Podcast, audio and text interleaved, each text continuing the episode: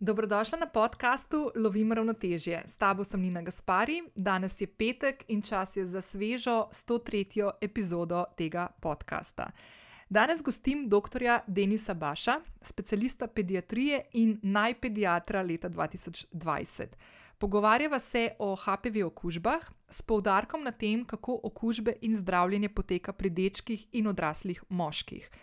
Okužbe s HPV virusi predstavljajo eno od najpogostejših spolno prenosljivih okužb, s katerimi se vsaj enkrat v življenju okuži okoli 80 odstotkov spolno aktivne populacije.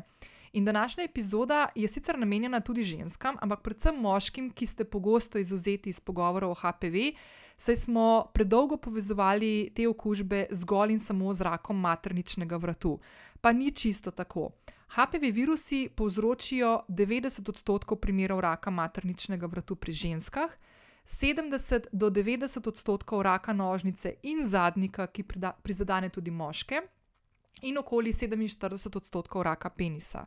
Poleg tega se lahko pri obeh spolih razvijajo tudi genitalne bradavice in druge spremembe na področju spolovil, kožne, kožne bradavice ter papilomski tumori glasilk in žrela.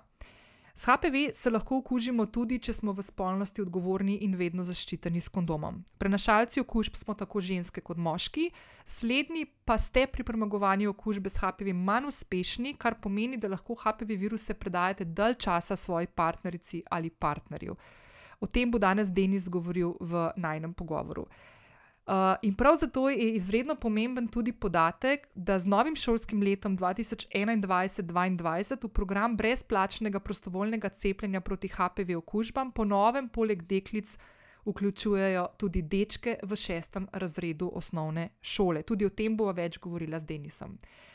HPV okužbe so problem celotne družbe in le s skupnimi močmi bomo lahko dosegli eliminacijo bolezni, ki izhajajo iz HPV virusov. Še to, V Evropski uniji za rakom materničnega vratu vsako leto zboli okoli 34 tisoč žensk, okoli 13 tisoč pa jih vsako leto umre. V Sloveniji vsako leto za rakom materničnega vratu zboli okrog 120 žensk, umre pa jih med 40 in 50. Tukaj niso všteti primeri drugih rakavih bolezni, ki se lahko razvijajo iz HPV okužb, kot so rak nožnice, zadnika, rak penisa in žrela. Naj še dodam, da se je Slovenija kot ena od 194 držav konec lanskega leta pridružila globalni strategiji, ki jo je postavila Svetovna zdravstvena organizacija. V njej smo se zavezali, da bomo v naslednjem desetletju dosegli 90-odstotno precepljenost deklic do 15. leta starosti proti HPV okužbam. 70-odstotno preglednost žensk v presajalnem programu in 90 odstotkov žensk s predrakavimi spremembami in rakom materničnega vratu, ki se bo ustrezno zdravilo. Zadnje dva cilja je naša država s programom Zora, ki poteka od, od leta 2003, že dosegla. Največji izziv v tem desetletju pa bo zagotoviti 90-odstotno precepljenost deklic do 15. leta starosti proti HPV, ki je trenutno na nacionalni ravni okoli 60 odstotna. O tem bomo govorili tudi z Denisom in zakaj je tako pomembno, da so z letošnjim šolskim letom v ta program vključeni tudi dečki. Z Denisom v pogovoru se tikava, ker so se tako vnaprej dogovorila, se v tej epizodi pogovarjava o vsem, kar se tiče HPV okužb na področju razvoja bolezni in s tem so predvsem osredotočena na moške. Uh, govoriva tudi o načinih preventive in cepljenju na splošno. Uh, dotakneva se tudi cepljenja proti COVID-19, ki v teh zadnjih mesecih intenzivno poteka tudi v Sloveniji. O HPV okužbah sem na tem podkastu že kar nekajkrat govorila. V deseti epizodi sem povedala svojo zgodbo. V 70. epizodi v začetku tega leta sem uh, gostila dr. Veroniko Testen, specialistko ginekologije in porodničarstva, s katero sva v skoraj dvournem pogovoru pokrila praktično vse dele, ki se nanašajo na HPV okužbe. In vabim te, če še nisi, uh, da poslušaš tudi tisti dve epizodi. Preden skočijo pogovor z Denisom, pa še to. V letošnjem letu sem tudi sama opravila cepljenje s tremi odmerki uh, proti HPV okužbam. Uh, trenutno in po zadnjih informacijah, ki jih imam iz januarja letos, ko sem bila zadnjič na ginekološkem pregledu in imela pozitiven HPV test in takrat upravila že tretjo biopsijo v treh letih in pol, sem po mojem znanju trenutno še vedno HPV pozitivna. Uh, zadnje cepljenje sem upravila proti HPV-ju, sem upravila julija, cepil me je prav Denis. Uh, sem pa letos, kot bom povedala tudi v pogovoru z Denisom, opravila tudi cepljenje proti COVID-19 z obema odmerkoma. Zakaj to poudarjam? Zato, ker bi rada za vse tiste, ki mogoče razmišljate o teh stvarih, uh, da veste, da sta obe ti cepivi kompatibilni in lahko v podobnem obdobju, v istem obdobju, uh, se cepimo z obema, od, uh, z obema cepivoma. Uh, samo vmes je fino imeti dva tedna pauze, zato da se preverja, če se slučajno pride do kakšnih uh, stranskih učinkov. Uh, jaz te vabim, da skočiš na zapis epizode, ki sem ga pripravila in je vnešen spodaj v opisu te epizode na tvoji podcast aplikaciji. Van sem, van sem vključila vse dodatne vire, um, že omenjeni podcast epizodi, nekaj blog zapisov, ki sem jih že objavila na svoji spletni strani v preteklosti, uh, s celotno mojo zgodbo, če ti mogoče pride prav. In povezavo do zaprte Facebook skupine gibanja Good Vibe, uh, ki uh, je namenjena vsem tistim, ki želite dodatno dobiti kakšne informacije uh, o HPV okužbah in zdravljenju in preventivi. Uh, ful je fajn skupina, uh, znotraj nje poteka ena tako res prijetna, spodobna komunikacija. In veliko se prenaša izkušnje um, zdravljenja med članicami in tudi člani, tudi moški se pridružujejo. Tako da lepo, lepo vabljeni, če se srečujete s temi okužbami in imate občutek, da imate premalo informacij, vas res lepo vabim, da se pridružite tudi v to Facebook zaprto skupino. Uh, Uh, preden skočiva v pogovor z Denisom, te vabim, da če še nisi prijavljena na podcast Lovim Ravnoteže, to lahko storiš zdaj prek aplikacije, na kateri trenutno poslušaš to epizodo.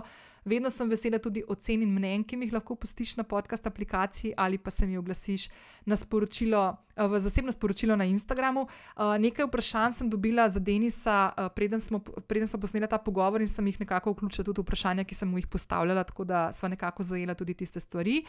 Um, s prijavo in oddajo cene in mnenja na aplikaciji, pri kateri poslušaš podcast, pa pomagaš, da zanj slišiš tudi te podobne ženske in moški. Upam, da vas je, da vas je danes kar nekaj, da boste poslušali uh, to tematiko, ki se dotika tudi vas.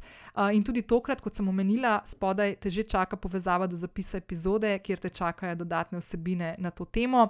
In tudi moja celotna zgodba zadnjih treh let in pol, ko se soočam in borim s HPV okužbo. Uh, Uh, jaz sem ena od tistih desetih odstotkov, ki jih Denis omenja, uh, ki ima neko kronično okužbo, ki se ne more znebiti.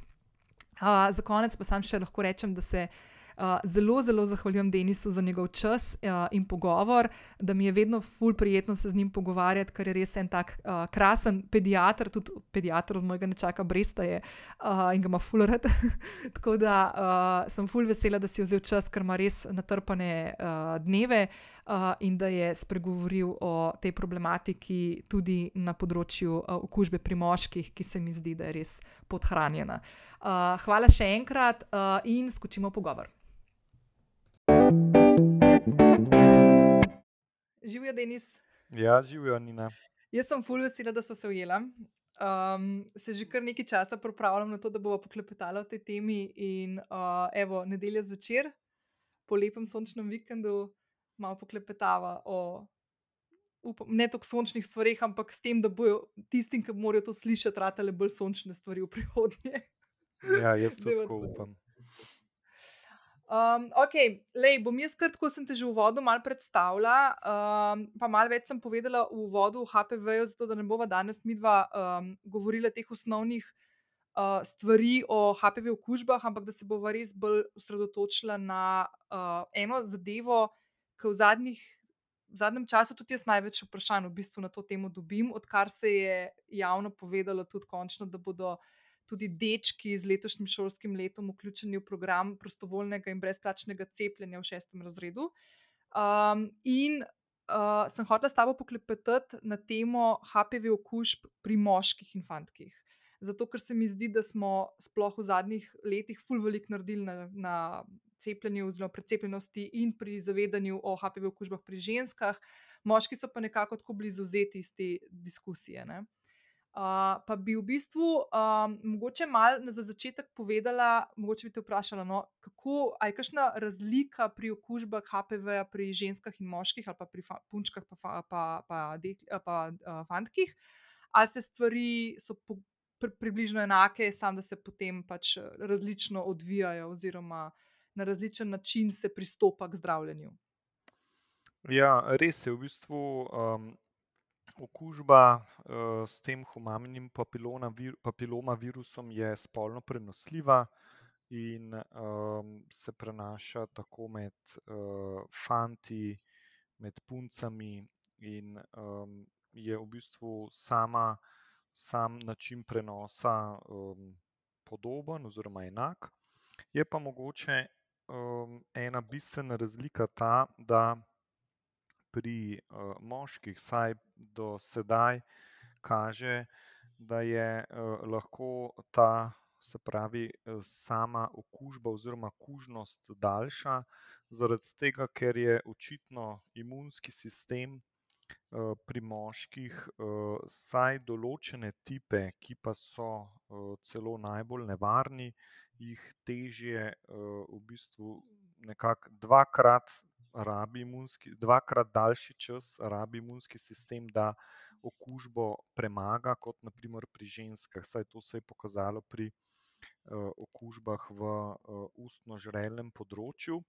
Moramo v bistvu povedati, da nekako v 90 odstotkih, če je, imunski, če je oseba zdrava, ima kompetenten imunski sistem, osebi nekako v enem letu do dveh letih uspe nekako um, premagati to okužbo. 10 odstotkov je še vedno zelo velika številka, se pravi, 10 odstotkov je lahko ta okužba kronična, gre potem v vse te predrakave in rakave spremembe, pri moških naj bi bil pa ta čas celo še enkrat daljši. Ne. Tako da to je ena taka razlika. Pa seveda, ne, na začetku smo uh, mislili, da bomo z zelo dobro precepljenostjo žensk, ne se pravi, cilj je nekako 90 odstotkov, da se potem eliminira rak na materničnem vratu, ampak uh, sedaj je to jasno uh, globalno v svetu, da to ni možno in zaradi tega je v bistvu potrebno pač uh, precepiti celotno populacijo. Mhm. Ker če, če tukaj zdaj poveva, da v bistvu HPV okužbe lahko na dolgi rok pripeljejo do naprimer, raka materničnega vratu, ki si ga omenil, ampak so pa tudi druge stvari, naprimer, ki se pri moških tudi lahko zgodijo, se pravi, da se tudi lahko resne posledice in bolezni razvijajo iz HPV. -ja. Lahko mogoče samo malo o tem poveš, da se bomo vedeli, o čem se pogovarjamo. Ja, res je. V bistvu, um, poleg raka na materničnem vratu, ki pač prizadene ženske, imamo pri obeh spolih uh, raka v področju ustno-žrelne votline. Uh, tukaj v bistvu v zadnjih letih imamo uh, porast uh, to vrstnih rakov, uh, predvsem pri moških. Uh, morate vedeti, da uh, je nek, neka taka sprememba na področju jezika, mandlov, se pravi v področju uh, grla je zelo, bom rekel, mutilantna, ne, če je potrebno to operirati.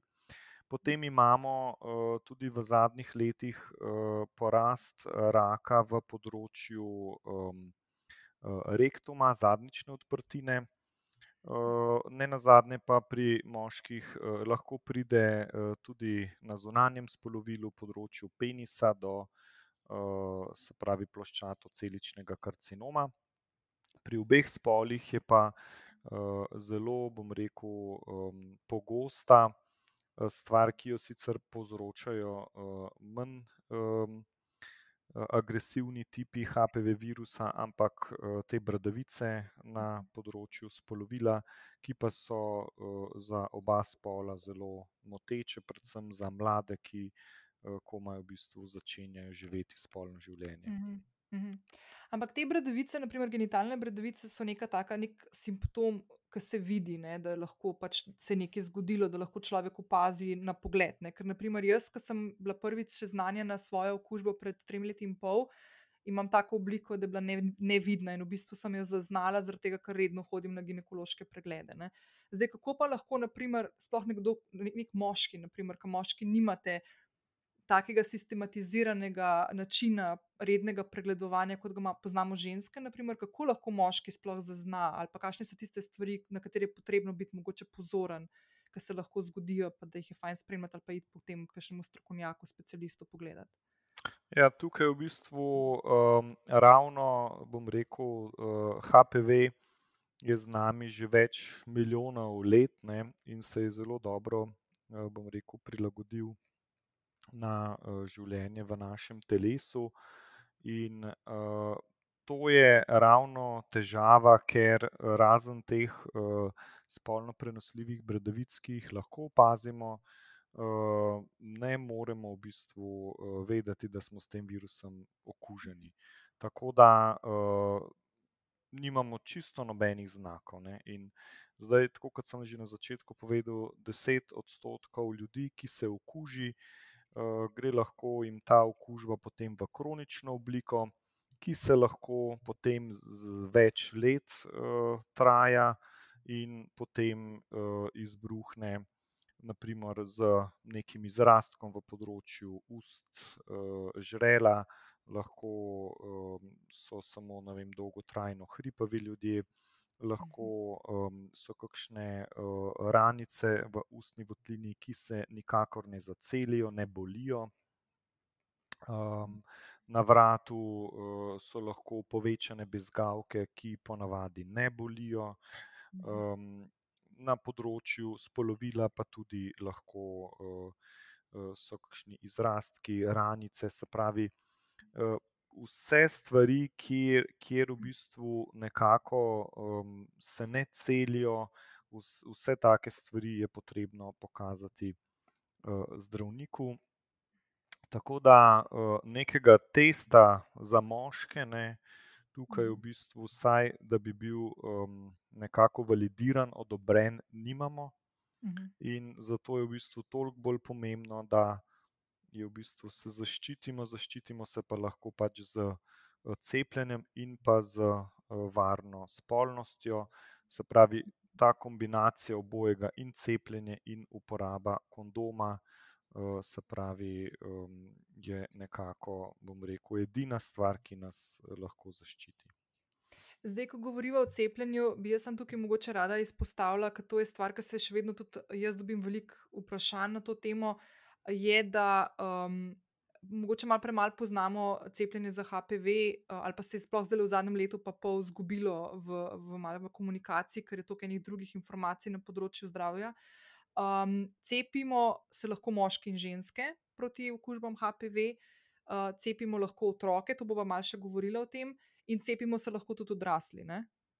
Tako, v bistvu pri nas imamo že vrsto let v programu prostovoljno cepljenje deklet v šestem razredu osnovne šole, ko so nekako stare dvanajst let, sicer je cepivo, se lahko uporablja že v starosti nad devet let.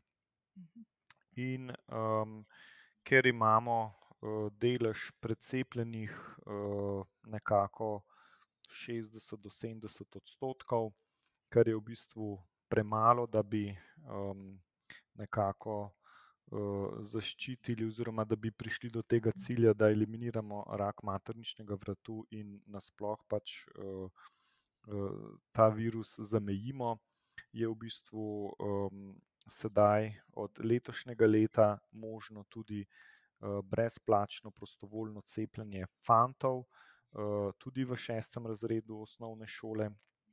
Sicer pa je možno za vse, ki so starejši, ki pač ne spadajo v to kategorijo, cepljenje opraviti tudi samoplačniško. je pa tukaj v bistvu rekel, veliko držav iz veliko raziskav različnih držav po svetu se je izkazalo, da edino, bom rekel, cepljenje, ki ni vezano na spol, je tisto, ki je uspešno, ker če precepimo samo polovico populacije, ne zamejimo širjenja virusa. druga stvar so pa v bistvu tudi, bom rekel, skupina moških, ki imajo spolne odnose z moškimi.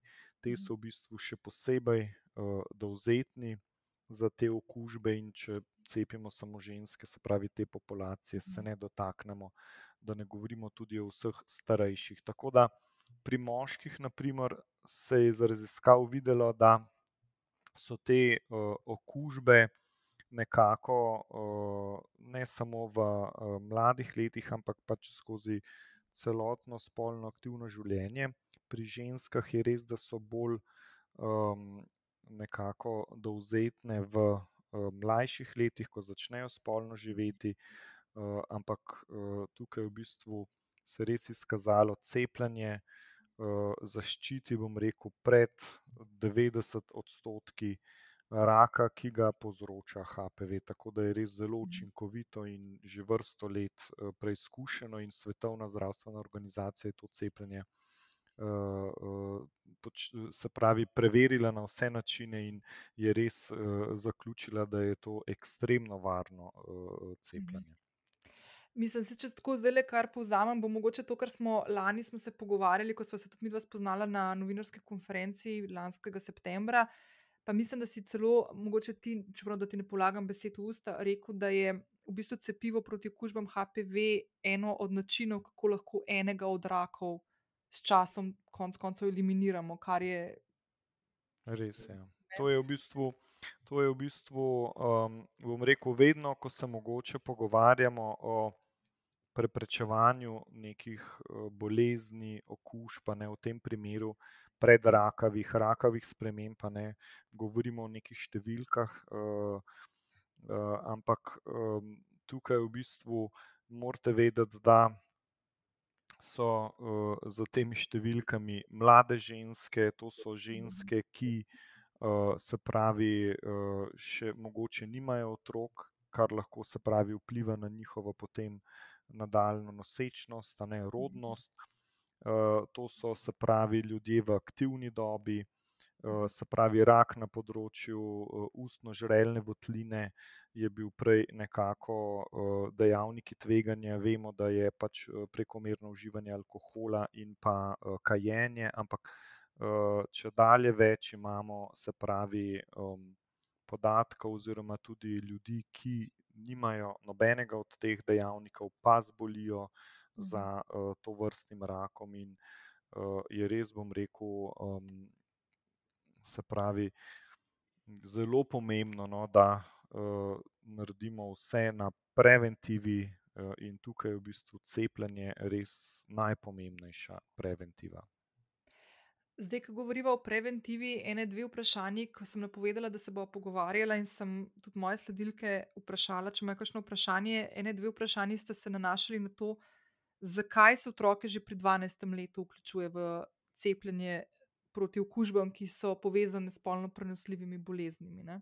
Ja, v bistvu dva razloga. En razlog je ta, da, je, eh, da se moramo zaščititi, preden se sploh okužimo. Okužimo se pa lahko tudi z, eh, ne samo z spolnim eh, kontaktom, ampak s tesnim kožnim kontaktom. Mhm. In pa druga stvar, Izkazalo se je, da je odgovor na cepivo uh, najboljši, se pravi, pri uh, skupini uh, otrok, bom rekel, uh, uh, ki se pravi v tej starostni skupini, mogoče malo starejši. Takrat je v bistvu uh, največ, uh, največji odgovor, tako celičnega, kot uh, teh uh, odgovora s protitelesi, in zagotavlja najboljšo zaščito. Zaradi tega je res pomembno, da se cepi uh, punca, fant v šestem razredu, če se mogoče takrat ne odloči v osmem razredu.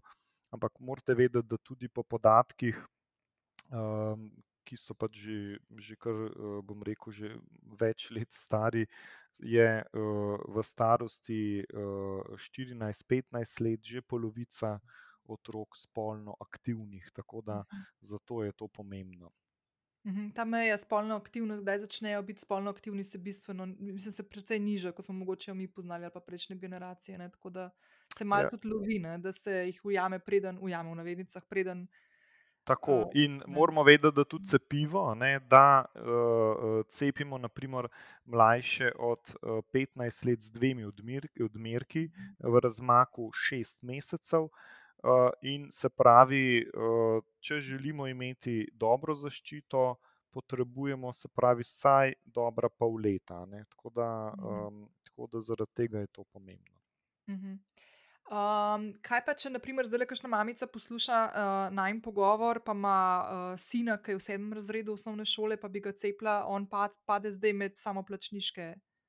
Ja, zdaj v bistvu ta meja je Mhm. postavljena v eh, šestem razredu in tisti fant, ki je zdaj šesti razred in bo čez dve leti osmi, tisti se bo lahko pač še vedno Mhm. brezplačno cepil, rečemo eh, temu zamudnika. ne.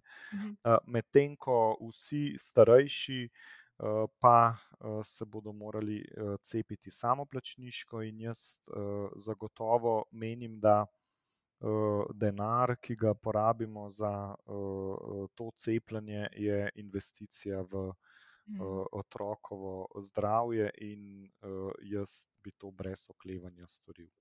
Mhm.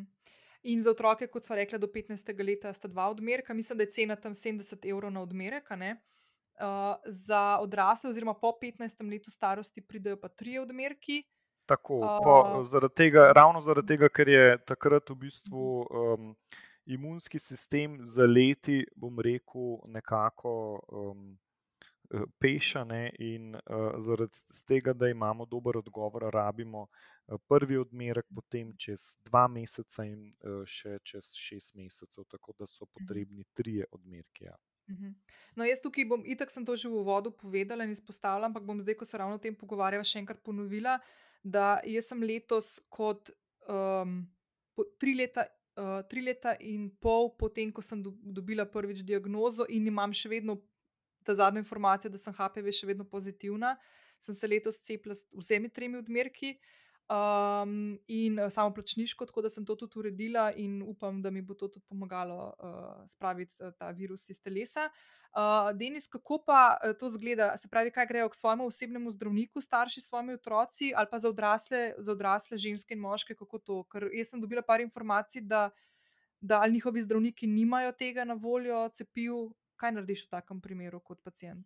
Ja, zdaj v bistvu uh, za vse šolarje, kjer je v bistvu na voljo brezplačno cepljenje, uh, dobijo starši pred sistematskim pregledom, na katerega je otrok vabljen, uh, formular, kjer se v bistvu dobijo te informacije in s podpisom potem. Se strinjajo, da se otroka v šestem razredu cepi, podobno tudi v osmem razredu. Otroci, ki so starejši od 15 let, naprimer, če so srednje šolke, ne, ko imajo v srednji šoli preglede in cepljenja, ne potrebujejo uh, za cepljenje, za cepljenja soglasja staršev. Jaz vedno, seveda, rečem, da je dobro, da se, ker cepljenje je pomembna stvar, uh, pogovorijo, seveda, starši. Ne. Druga stvar so pa v bistvu um, tisti, ki. In to lahko pravijo, naprimer, v šestem, v osmem razredu, ta fant, ki je zdaj sedmi razred, ko bo imel v osmem razredu sistematski pregled, lahko to upravi tudi pri uh, šolskem zdravniku, pač bo uh, plačal to, ampak se bo lahko cepil. Druga možnost je, da se cepi pri svojem izbranem pediatru, uh, taka oseba, ki je samoplačnik. In pa za odrasle je pa res, da niso vsi družinski zdravniki, nimajo pač teh cepilnih ambulant, kot naprimer pediatri, šolski zdravniki.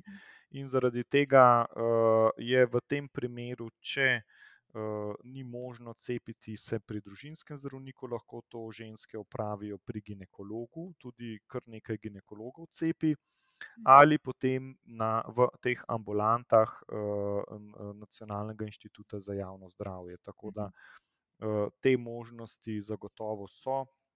Sem pa jaz vedno zagovornik tega, da je uh, dobro, da, da, bi, da je pač dostopnost do cepljenja čim večja, ker uh, že to, če se za nekaj odločiš in da je potem pot do, do Mhm. tega, da to upraviš, bom rekel, preveč komplicirana, lahko marsikoga odvrne od cepljenja.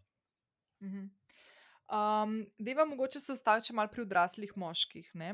Mm, Naprimer, da uh, želi opraviti test za spolno prenosljive bolezni. Jaz sem zdaj slišala par primerov, da so šli moški na, tukaj v Ljubljani, naprimer, en, eden, od, eden, eden od lokacij, kjer lahko to opraviš, je transfuzijska klinika. A sem prav rekla? Um, Zavod za transfuzijsko medicino. Ja. To, tako. Ja. In tam upraviš lahko uh, teste, ampak ne vključujejo testa za HPV, in moški so bili napoteni na dermatološko kliniko. Um, pa me sam zanima, mogoče poznaš oziroma veš, na kakšen način lahko moški, naprimer, ki je ali na začetku neke nove veze ali kako koli pa pač želi narediti test, kako lahko dobi informacije, če je HPV pozitiven. Naprimer, da v primeru, da nima nekih simptomov, pa bi rad vedel. Ja, zdaj, da bi jaz, da bi zdaj rutinsko uh, z nekimi testi to ugotavljali, po mojem vedenju tega ni. Ne? Zdaj, uh, nekdo, ki ima uh, težave, ne vem, izcedek iz um, sečnice, uh, je imel nek rizičen kontakt ali uh, ga peče, ne? tako osebo se lahko testira. Z uh, brisom, ne na tudi druge povzročitelje spolno prenosljivih bolezni. Um, obstajajo tudi uh, še nevalidirani testi, kjer se lahko ugotavlja okužba uh, iz ustno-žrelne votline, iz uh, slino. Ampak vse te, se pravi, za moške ni v bistvu tako kot naprimer pri ženskah, kjer se vzame bris uh, materničnega vratu in potem iz teh celic lahko uh, poleg ne, uh, tega, ali gre za neke predrakave, rakave spremembe, določi tudi, ali je noter HPV ali ne. Pri moških tak test standardiziran ne obstaja. Tako da v bistvu uh, tukaj, um, tukaj v bistvu ta taka stvar. Ni možna, ni možna, moramo pa tudi vedeti, ne, zakaj je tukaj pomembno ne neki standardizirani testi. Zaradi tega, ker če ti, naprimer, samo pri določenem uh, delu ljudi, recimo, ugotoviš, da ima uh, okužbo, se pravi, da je ta test ni toliko poveden, potem ne naredimo nič dobrega, ker, ker nekdo je v mhm. nekem lažnem prepričanju, da uh, nima HPV-ja, mhm. pa v bistvu ga ima. Ne? Tako da uh, tukaj v bistvu bi šel vedno na začetek, ne, da je edina stvar, da se, uh, se pravi, uh, cepiš, ne, predn si spolno aktiven. Eh, oziroma eh, da uporabljaš eh, kondom, s tem zmanjšaš. Ne? Ni pa tako, da zdaj v bistvu prenos HPV virusa je možen tudi, če uporabljaš kondom, ker je v bistvu s tesnim stikom sluznic kože, ampak mhm. seveda ga zmanjšaš. No? Tako da mhm. nažalost. Da bi, da bi zdaj šel na nek tak test, pa bi bil potem miren, ne, ni. Je pa mhm. res, da, um, kot sem že na začetku povedal, večina ljudi uh, v um, nekako do dveh letih ščisti ta virus, imunski sistem ga premaga, medtem mhm. ko pri desetih odstotkih, ne vemo pa pri kom, kdo so zdaj te mhm. deset odstotkov, bo pa to šlo v kronično obliko. Vemo pa, da ljudje, ne, ki imajo okvarjen imunski sistem ali mhm. so naprimer celo okuženi z virusom HIV, ki pač uh, ravno okvarja imunski sistem ali prejemajo neka zdravila za zmanjševanje imunskega sistema, so imeli naprimer transplantacijo, kakšne druge bolezni. Ne, taki ljudje imajo večjo verjetnost, da jim bo ta okužba s HPV virusom naredila težave. Um, da, mogoče zdaj, da ta, ta zadnji del pogovora s tabo bi mogoče malo izkoristila še eno stvar. Zdaj, v zadnjem letu, letu pa pol, po mojem, se nismo več pogovarjali o cepljenju kot zdaj. Uh, ja, in verjetno tudi nismo bili v večji um, razdvojenosti in uh, zgubljenosti v tem, uh, ali se cepimo, ali se ne cepimo, uh, kot smo naprimer danes. Uh, zdaj, jaz bom tukaj povedala na glas, da sem cepljena uh, in proti COVID-u letos z dvema odmerkoma, in kot sem povedala, s tremi odmerki HPV, kar se mi zdi full fine, da se pove tudi na glas, da tisti, ki to poslušajo, pa zdaj razmišljajo, naprimer, da bi sebe ali pa svoje otroke, če so že tako stari, da so tudi lahko vključeni v COVID cepljenje, da to sta kompatibilni cepivi in se lahko v enakem obdobju cepimo z obema. To drži. Tako drži. Pač, uh, zdaj, razen za cepljenje COVID-a in gripe, ki, ki jih lahko upravimo sočasno, se zaenkrat v Sloveniji priporoča, da je presledek uh, eh, 14 dni, se pravi, mhm. če se odločite za cepljenje proti HPV uh, in COVID-om, pa če dobro, da je 14 dni med enim in drugim. To, to je zato, da se spremlja, če so kakšne reakcije. Slučajno, Tako, to je zaradi teh uh, neželenih učinkov, ki so mhm. možni in čisto iz uh, varnostnih razlogov. Mhm. No, kot zanimivo se lahko še tukaj dodam, da pri HPV cepljenju nisem imela nobenih uh, uh, učinkov, mogoče po drugem, da sem malo utrujena. Uh, pri COVID-u Bom pa zdaj prvič povedala na glas, mogoče pa tudi tebi to zanimivo, Denis. Uh, jaz sem bila za AstraZeneca cepljena in uh, po prvem odmerku sem imela malo vročino, pa malo me je zeblo zvečer. Uh, ampak po drugem nič. Uh, sem pa imela, in to sem potem opazila, da so v Angliji, da mislim, da je 40 tisoč žensk poročalo po cepljenju s AstraZeneca, da so, imelo, da so imele prvo menstruacijo po prvem odmerku izredno močno. In to se je tudi meni zgodilo. Uh mhm. -huh. To je bila pa taka edina stvar, ki sem potem tudi poročala, ko sem šla na drugi odmerek. No? Tako da so si uh mhm. -huh. zapisali in poslali naprej. Okay, ja. ampak... uh mhm. -huh. Zato je to pomembno. Jaz v bistvu -huh. vedno rečem, zelo pomembno je, da uh, te neželene učinke, ki so lahko vedno, ne se pravi, vsako zdravilo, vsako cepivo ima uh, možne neželene učinke. Nobeno cepivo uh, ni sto odstotno učinkovito, je pa pomembno, ne, da je ta profil varnostni uh, tak, ne, da uh, se bom rekel, da je možnost za neke resnejše neželene učinke izredno, izredno majhno. In zaradi tega je mogoče zdaj bilo pri COVID-u. COVID je sploh ena taka, bom rekel, stvar, ki nas je po glavi zelo udarila ta pandemija, zapiranje, hudi primeri. Na srečo je potem znanost hitro iznašla, bom rekel, učinkovito stvar za, bom rekel, da se borimo, ne, to je cepljenje. Ampak, ker je seveda ta stvar nova, kot vsaka nova stvar, bom rekel, nek upor povzroči, se je tudi tukaj to pokazalo. Uh, tudi jaz sem se cepil uh, s Pfizerjem, tudi vse svoje družinske člane sem cepil um, pač z AstraZeneca, ženo, otroka s Pfizerjem, pač ker uh, je bilo takrat tako na voljo. Ampak hočem reči tukaj, da um, znanost je v bistvu res tista, ki um, ji moramo zaupati. Uh, je pa, verjamem, ne mogoče način komuniciranja, ki smo mhm. ga nažalost bili vajeni uh, iz strani, bom rekel, tudi uh, politike, ne bil tukaj uh, ponesrečen in uh, se mi zdi, da je uh, tukaj veliko nekih. Um, Napak bilo narejenih, a ne nekaterih, pa uh, se moramo tudi naučiti. Ampak mhm. ne glede na vse skupaj, a ne, uh, cepljenje je v bistvu stvar, ki zmanjšuje umrljivost, smrtnost in nam v bistvu uh, bo edino omogočilo, da bomo zaživeli, bom rekel, čim bolj normalno življenje z čim manj žrtvami. Uh -huh. uh, jaz sem prejšnji teden snemala uh, pogovor z dvema članoma ekipe Sledilnik in smo se veliko pogovarjali o, predvsem tudi o podatkih in o tem, kako oni um, urejajo te stvari in kako dejansko vodijo neko tako komunikacijo, ki je podprta z nekimi dejstvi, ne toliko z nekimi mnenji, nekimi čustvenimi reakcijami na določene stvari.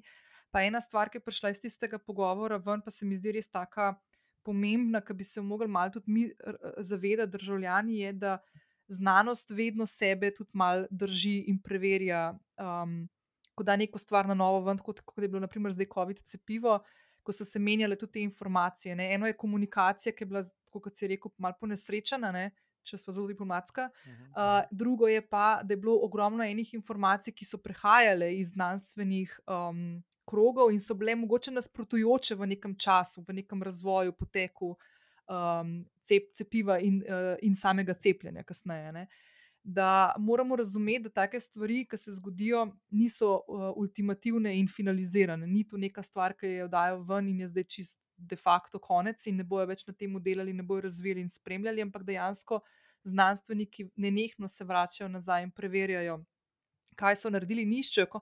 Konec koncev iščejo stvari, ki bi lahko bile narobe. Ne?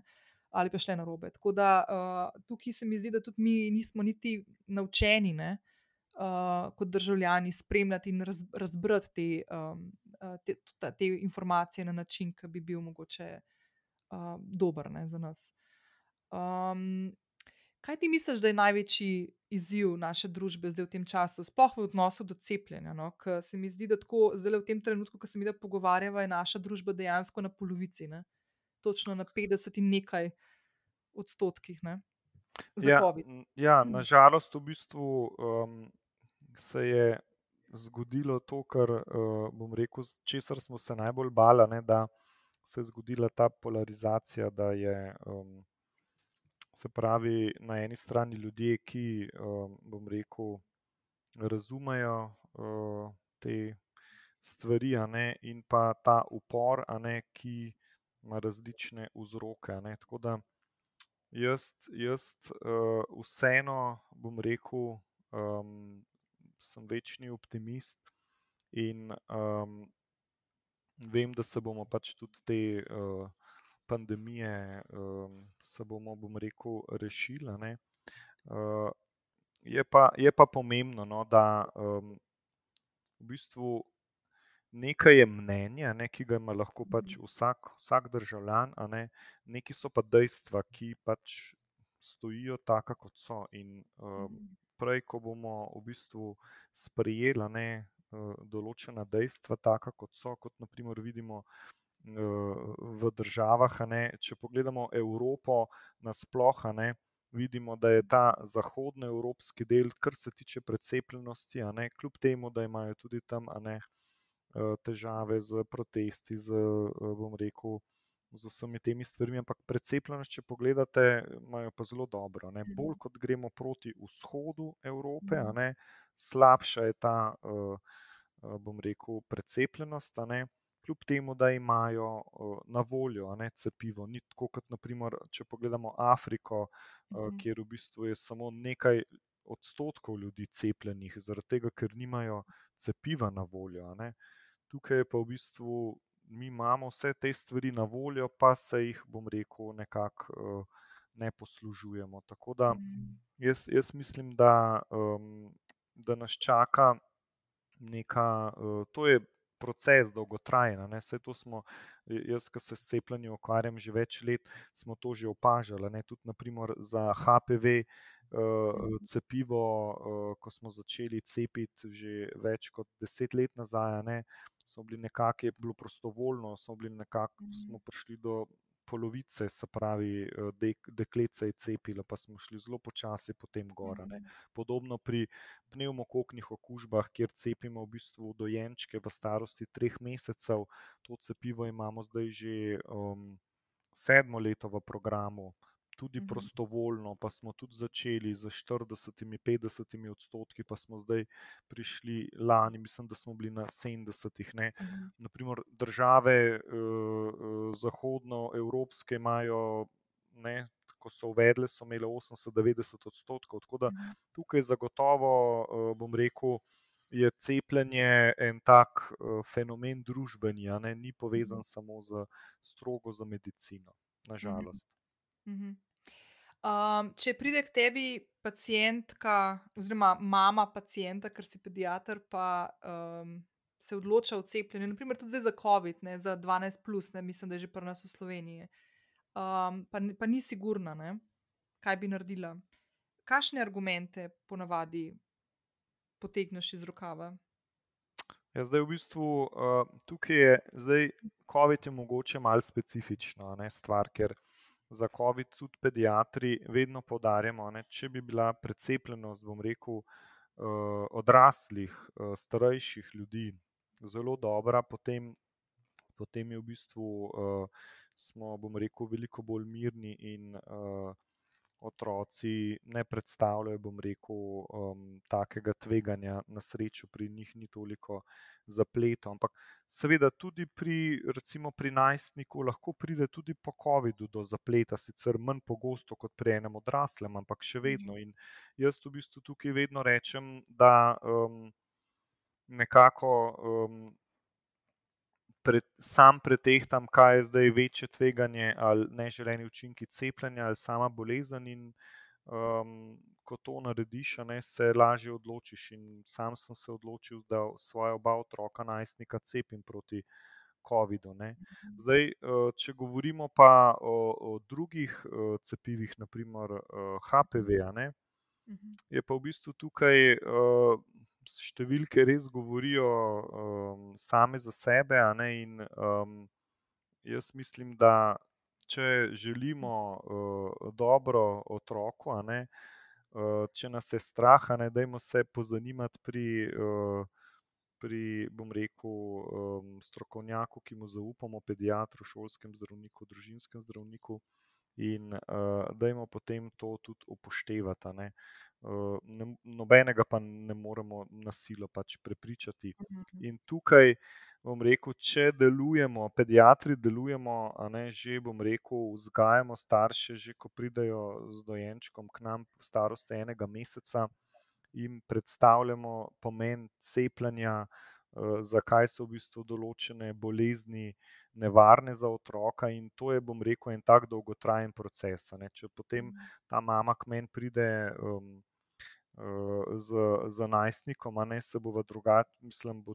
ta komunikacija čisto drugačna, ne, ker pač že veliko stvari ve, ne se je prebrala.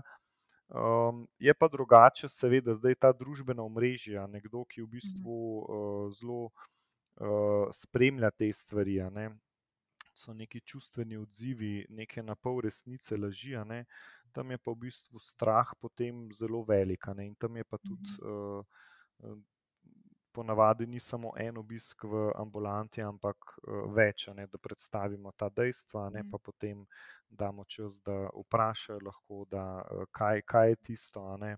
Tako da bom rekel, čist uh, ni, ni nekega, bom rekel, recepta iz rokava. No, Zdaj, v bistvu, ko te poslušam, ugotavljam, da v bistvu delate predvsem na tem, da se gradi neko zaupanje. To je tisto, kar smo mi, mogoče kolektivno, malo izgubili v tem času, tudi zaradi komunikacije, pretežno. No. Uh, uh, določenih segmentov družbe, ne, uh, ne, ne toliko strokovnih, no rečemo, um, da se dejansko na, na koncu spade, mogoče še malo večja teža spet na vas, na koncu, da zgradite neko zaupanje s pacijenti ali pa z ma mamami in očeti svojih pacijentov. Ne. Ja, brez tega, v bistvu, bom rekel, tega uh, zaupanja ne, uh, v pediatriji, na splošno se mi zdi v medicini, ne, ni, ni uspeha. Ne. Tudi, uh, ko se gremo k nekomu operirati, ne, če ne zaupamo, ali pa če dobimo neko, uh, če imamo raka, pa dobimo neko kemoterapijo, če ne verjamemo, če ne zaupamo. To pa kažejo izsledki vseh raziskav, da je uspešnost takega zdravljenja slabša. Ne. Tako da, seveda, mora pa biti na prvem mestu, ne, mora pa biti pač vse stvari strokovne in stati na mestu. Ne. To je pa predpogoj. Um, veš, kaj bi te za konec še malo mogoče, da se eno stvar tako poigrava v misli, zdaj le, ker se da, dnevi krajšajo in bomo več časa preživeli spet doma. Pa ne tako malo, ampak predvsej malo bojo tudi kakšni prazniki prišli, pa se bomo z družino videli in tako naprej. Ne. In po mojem, vsak od nas v svojem krogu, tudi kakšne ljudi, ki so še uklevajo s cepljenjem ali pa so negativno naravnani. Pa ne, da bi šlo zdaj to, da bomo uh, aktivno se lotili in v času družinskih praznikov in podobnih stvari uh, imeli neke kampanje prepričevanja, ampak um, na kakšen, oziroma kakšen je tisti pravi pristop, ko se pogovarjamo z našimi najbližjimi, ki mogoče so prestrašeni ali pa oklevajo ali pa so negativno nastrojeni proti cepljenju, konkretno tukaj mislim za COVID. Na kakšen način se najbolje temu odzvati, oziroma kako bi se to ti odzval? Ja, to je, bom rekel, tako vprašanje za milijon dolarjev. Ne, ker če bi to, če bi to vedela, ne bi v bistvu um, nekako bili vsi skupaj veliko bolj uspešni. Zagotovo, uh, bom rekel, vemo, ne, da um, ni uspešno, da nekoga v nekaj silimo. Ne. Se pravi, uh, če uh, tisti drugi ni pripravljen poslušati, ne, mi lahko še ne vem, kakšne stvari zganjamo, ne, to ne bo nič pomagalo. Ne. Tako da bom, bom spet rekel, da tukaj, tukaj je treba, če poznamo človeka, ne, zdaj nekdo.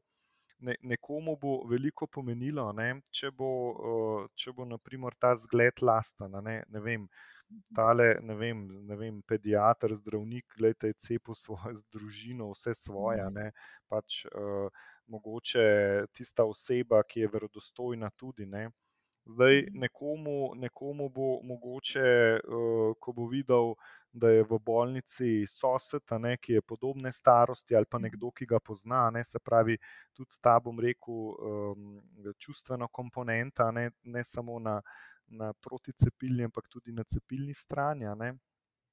Nekomu bo pa v bistvu samo to, da uh, bo lažje živel, da mu ne bo treba se ne vem, iti na testiranje, da mu ne bo treba v karanteno, ko, Mhm. ko bo v kontaktu. a ne. Uh, tako da tukaj se mi zdi, da je treba predvsem uh, skozi pogovor a ne, začutiti, kaj so tiste skrbi, oziroma zakaj je nekdo proti nečemu, pa potem mogoče uh, uh, tam najti tisto nišo, da se Mhm. ponudi ne odgovor. Ne.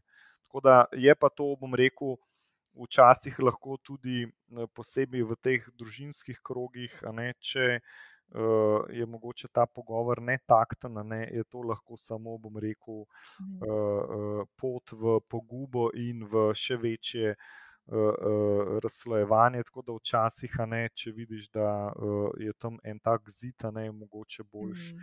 uh, tisti dan, a ne, to pustiti, pa mogoče kdaj drugič načetno. Mhm. Ne, se strinjam. To, to sem si jaz tudi zadala zdaj um, poslušati. Predvsem. To. Ja. Jaz mislim, če se bi, če se bi vsi skupaj a ne, več res poslušali, ne, um, bi, bi marsikaterih težav ne bi bilo. Ne? Ker tisto, da ti nekaj predvidevaš, kaj nekdo misli, ne, uh, to pogosto, bom rekel, uh, naredimo v neki. Lahko včasih tudi v neki, bom rekel, uh, dobro namernosti, ampak to se izkaže na koncu za slabo. Ne? Tako da Mhm. poslušati. Mhm. no. Super. Ja, Denis, najlepša hvala za tvoj čas pa ta pogovor.